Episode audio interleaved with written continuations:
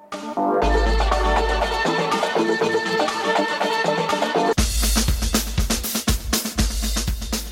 Desde hace más de una semana miles de personas se están movilizando en Senegal contra la condena de dos años al líder opositor Oumane Sonko por corrupción de jóvenes. La represión policial ha sido muy dura y ha causado la muerte de 19 personas. Para entender mejor qué está ocurriendo en este país del África Occidental, tenemos hoy con nosotras a Marra Junior, cofundador y miembro del movimiento panafricano de Bilbo y militante en el movimiento antirracista de Euskal Herria.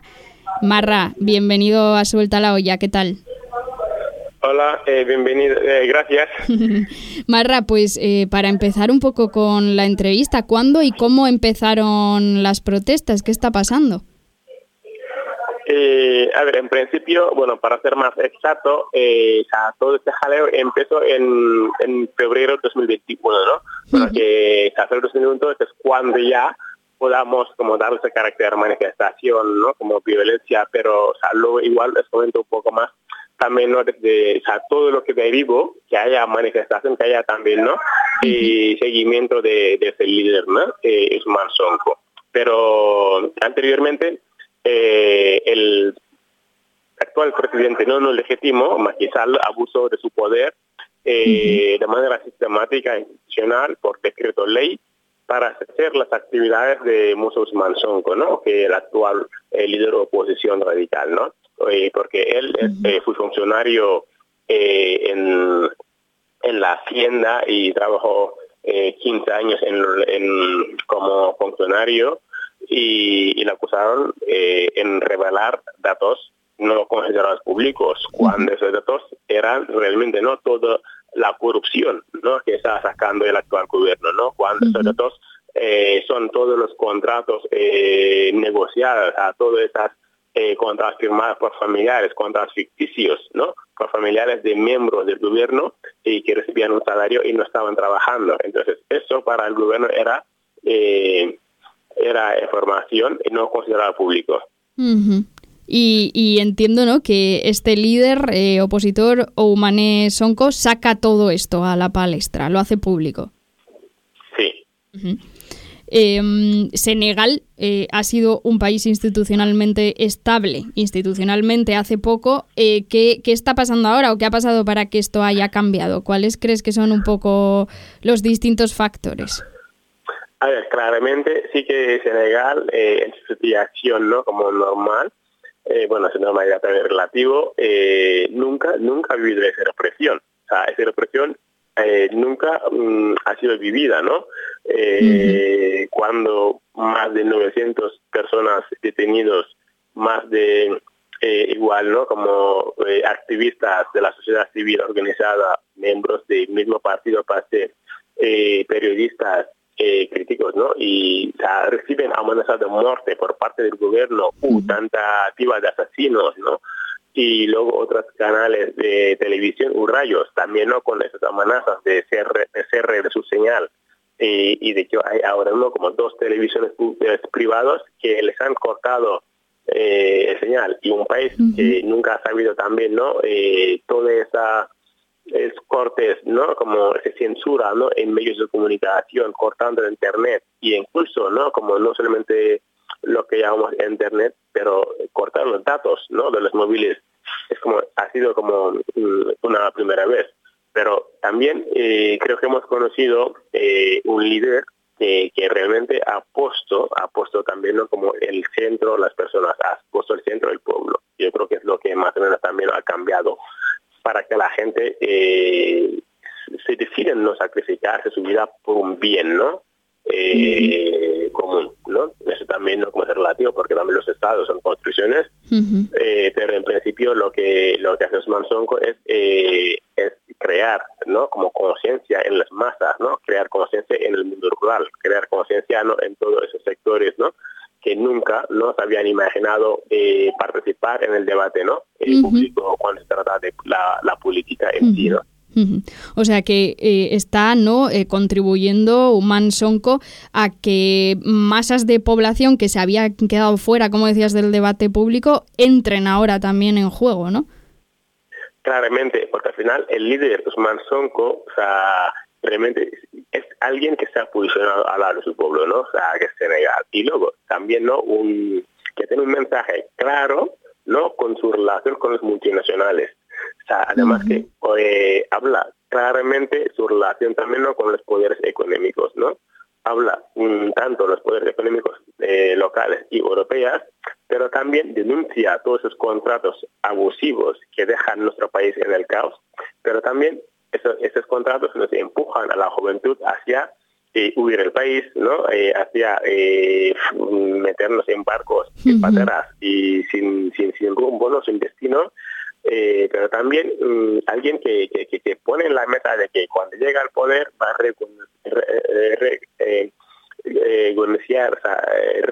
reorganizar ¿no? y renegociar todos esos contratos ¿no? con otros países, sobre todo no países occidentes. ¿no?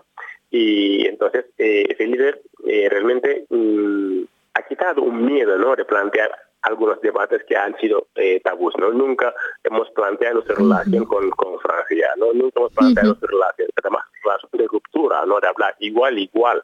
Entonces él nos ha permitido como poder ese debate ¿no? institucional, ese debate estructurado ¿no? en el centro eh, y convertirlo ¿no? en, en, una opinión, en un debate popular. ¿no? Ahora que la gente que, que, que, nunca mm, han podido saber qué relación tenemos con Francia, ¿no? el país colonizador, pero Sonko encarna un líder eh, descomplejado, ¿no? un líder que necesita realmente, ¿no? como Senegal y África hoy en día, no como ser este portavoz ¿no? de un lenguaje digno que transmite eh, un mensaje de esperanza, ¿no? capaz de transformar un país. ¿no? Con todo esto, él realmente no. Hoy en día se considera no es el, líder de la oposición radical. Ese discurso está lleno de orgullo patriótico ¿no? y de anticolonialismo. Yo creo que por eso también no la gente lo sigue. Mm, ¿Por qué crees que, supone una amenaza tan grande para el actual presidente Macky Sall? Ya, a ver, claramente que es una amenaza porque mm, todo lo que es concientizar las masas, todo lo que es concientizar el mundo rural, todo lo que es concientizar que la población ahora se interese a la gestión de Maquisal, eso sí que da miedo. Y luego repito que los mantengo hoy simboliza esperanza, integridad y valentía, ¿no? Entonces mucha gente ya se ve, ¿no? Como un líder que realmente les representa. Y otra cosa que los Mazoncos ha servido el país eh, durante 15 años, ¿no? Como, eh, como de Hacienda, ¿no? Metiendo, o sea, facturando a empresas multinacionales, eh, facturando, ¿no? Como eh, impuestos, ¿no? O sea, obligando a mm, empresas multinacionales pagar los impuestos, ¿no? Cuando el gobierno se les ha perdonado. Dijo que no, o sea, tienen que pagar sí o sí. Y, esto también ha habido un conflicto con el gobierno porque al final hay un aparato político poderoso que él también no más o menos eh, maneja y pone tal que está lleno de ambición no que, tampoco es como alguien que, que, la gente ve como como es un chico normal y corriente. O sea, no es un chico que aspira no eh, reunir esas grandes riquezas un chico que aspira como ser esa clase élite política no. Es un chico que se relaciona con la gente es un chico que, que, que se considera no un Senegal más porque al final los eh, políticos no eh, senegaleses siempre han sido ¿no? como eh, el seguimiento de, de, los colonos, ¿no? O sea, siguen reproduciendo los mismos roles, ¿no? Y siguen encarnando, ¿no? El mismo perfil, ¿no?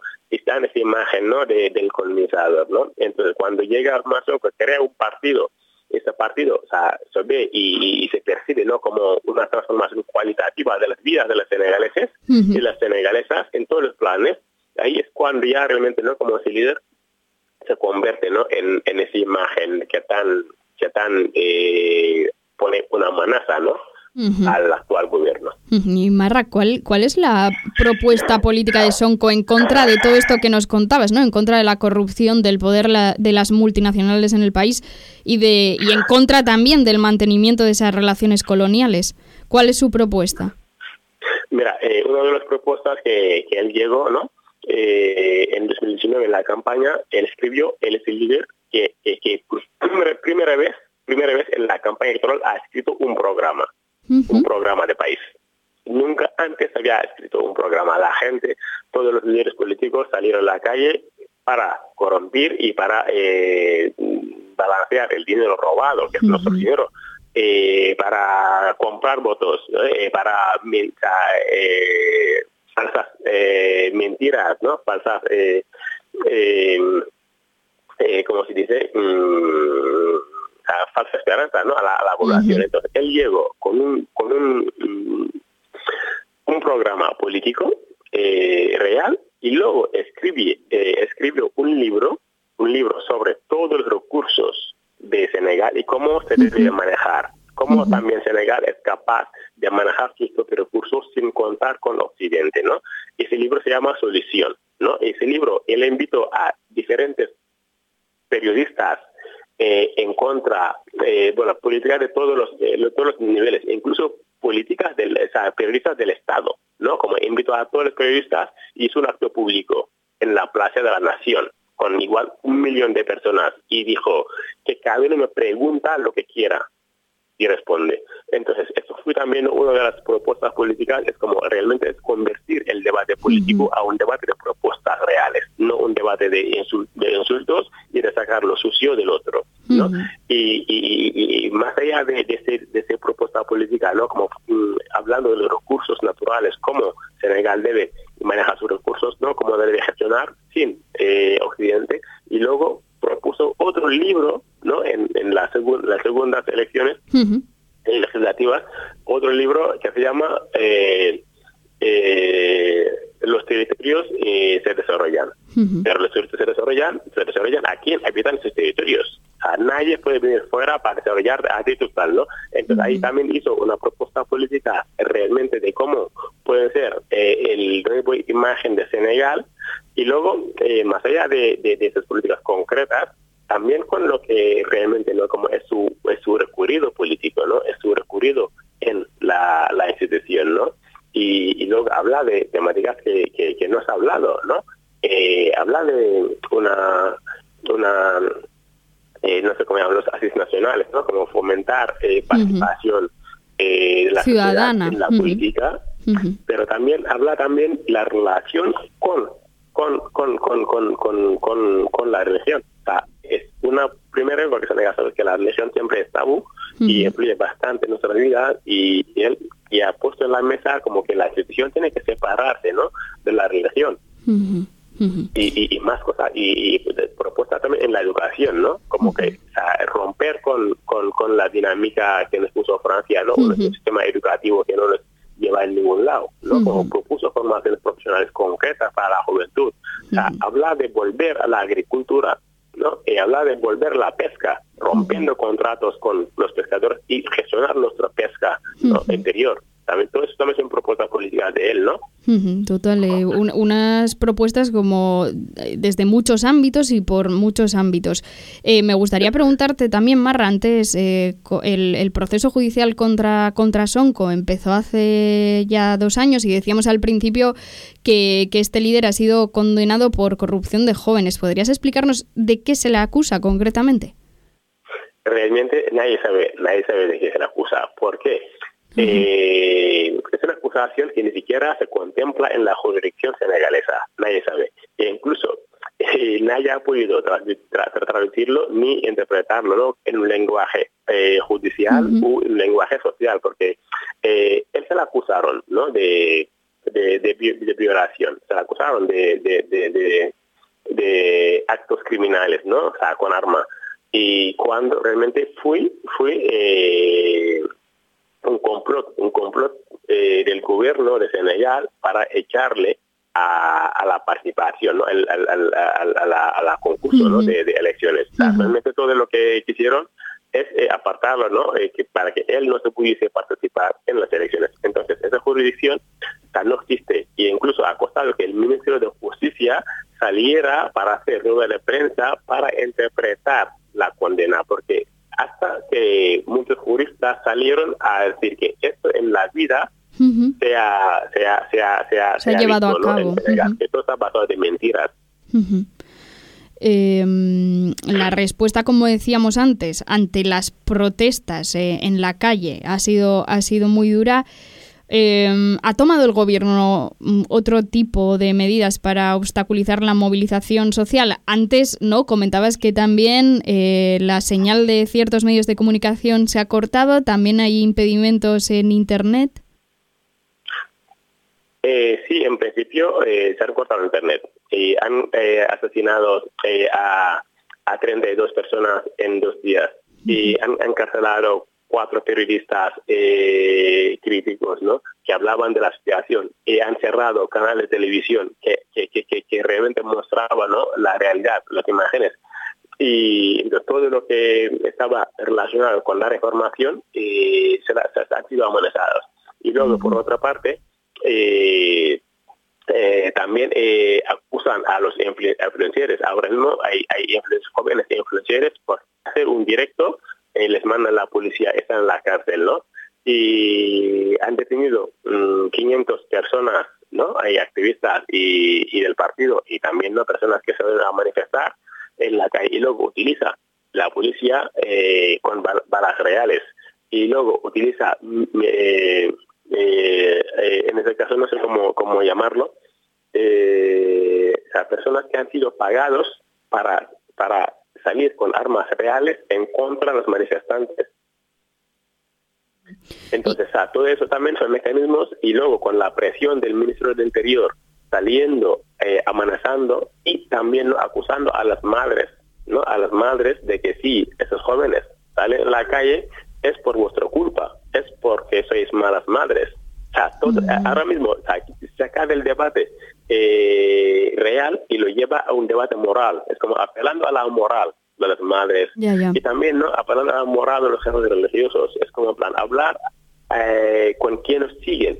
Decirle que esto es un acto que, que, está condenado e incluso Dios no quiere, ¿no? Como violencia. Como todo esto, como sacando el debate de las morales. Cuando ya vemos que el gobierno ya no tiene, no tiene, no tiene argumento. Y está lleno de miedo ahora mismo, ¿no? Eh, Marra, tenemos que ir rápidamente con las últimas preguntas. Me gustaría seguir con cómo, cómo está recibiendo el pueblo senegalés esta represión. ¿Se está aplastando esa esperanza de cambio que nos decías antes? ¿O más bien ha sido como echar leña al fuego y se está avivando aún más la protesta y, las ganas de cambio? Eh, yo creo que aún más eh, las ganas de cambio y de hecho eh, cada vez cada vez que porque Senegal es un país realmente no como muy muy cómodo, ¿no? O sea, muy Senegal no sabe no sabe esos actos de violencia realmente, ¿no? y, pero ahora cada vez que, hay más muertes, más asesinos, más gente sale, y sobre todo juventud, ¿no? Hay gente que incluso tiene un discurso de que tienen que sacrificarse su vida para que el país vaya, ¿no? Como que eso nunca se ha escuchado, ¿no? Que gente está mm, dispuesto a dar su vida por el beneficio del país. Y luego, por otra parte, eh, se está manifestando en los diferentes territorios que nunca han manifestado, porque las grandes manifestaciones siempre se quedaron en las eh, zonas urbanas, ¿no? En las grandes capitales, pero ahora incluso los pueblos se levantan y se manifiestan. Entonces, como que ahora mismo hay mucho más ganas de salir a la calle que de quedarse en casa. Em, ¿Y qué se, está, qué se está haciendo desde la diáspora aquí en Euskal Herria? Eh, aquí estamos eh, articulando eh, movimientos. Eh, de hecho, hemos organizado el día 6 de este mes ¿no? una concentración, ¿no? la gran movilización contra la dictadura de Maquisal aquí en Bilbao, en barrio San Francisco, Plaza Fleming, pero también se están organizando en los diferentes territorios del Estado español, ¿no? las movilizaciones de apoyo y, de presión ¿no? para frenar eh, esa rampa de una dictadura ¿no? de, de Maquisal, que ahora es un presidente ilegítimo, ¿no? es presidente ilegítimo en Senegal. ¿Y cómo, cómo está reaccionando la comunidad internacional y qué responsabilidad tienen el Estado francés o el español en todo esto? Mira, principio hemos sacado un comunicado eh, apelando un poco a la comunidad internacional, sobre todo el Estado español, que active los mecanismos para denunciar la violencia de los derechos humanos cometida por el presidente Macky. Y dada la condición de que España es socio importante de Senegal con todos esos múltiples y diversos intereses que pueden tener esos dos países, y, más bien más España, eh, el Estado español, y en particular en la explotación de, nuestro, de nuestra pesca. Eh, los, eh, los buques más eh, grandes ahora en Senegal, mm, aparte de, de, de, de, China, son eh, del español. Y, luego, que, que, todo lo que puede ser también las empresas extranjeras que pueden resultar o sea, no sé, o sea, peligroso, ¿no? Eh, seguir ¿no? esa relación con, con Senegal cuando cuando realmente no como este país está está así entonces más o menos mm, yo creo que la relación con con con, con Senegal o sea no sé eh, es que realmente como en plan tampoco mm, yo soy de esas personas que, que creo que mm, España tiene un papel fundamental no tanto Francia eh, por sus intereses que están ahí, porque las grandes multinacionales eh, son dueños ¿no? Eh, de, esos, de, esos, de, esos, poderes, ¿no? como de Estado, ¿no? como digamos, pero, pero están ahí. Marra Junior, pues muchas gracias por ponernos al tanto de lo que está ocurriendo en Senegal, por transmitirnos también esos aires, esas ganas de cambio del pueblo senegalés. Seguiremos al tanto de, de lo que va ocurriendo. Muchas gracias, Marra. Gracias a ti.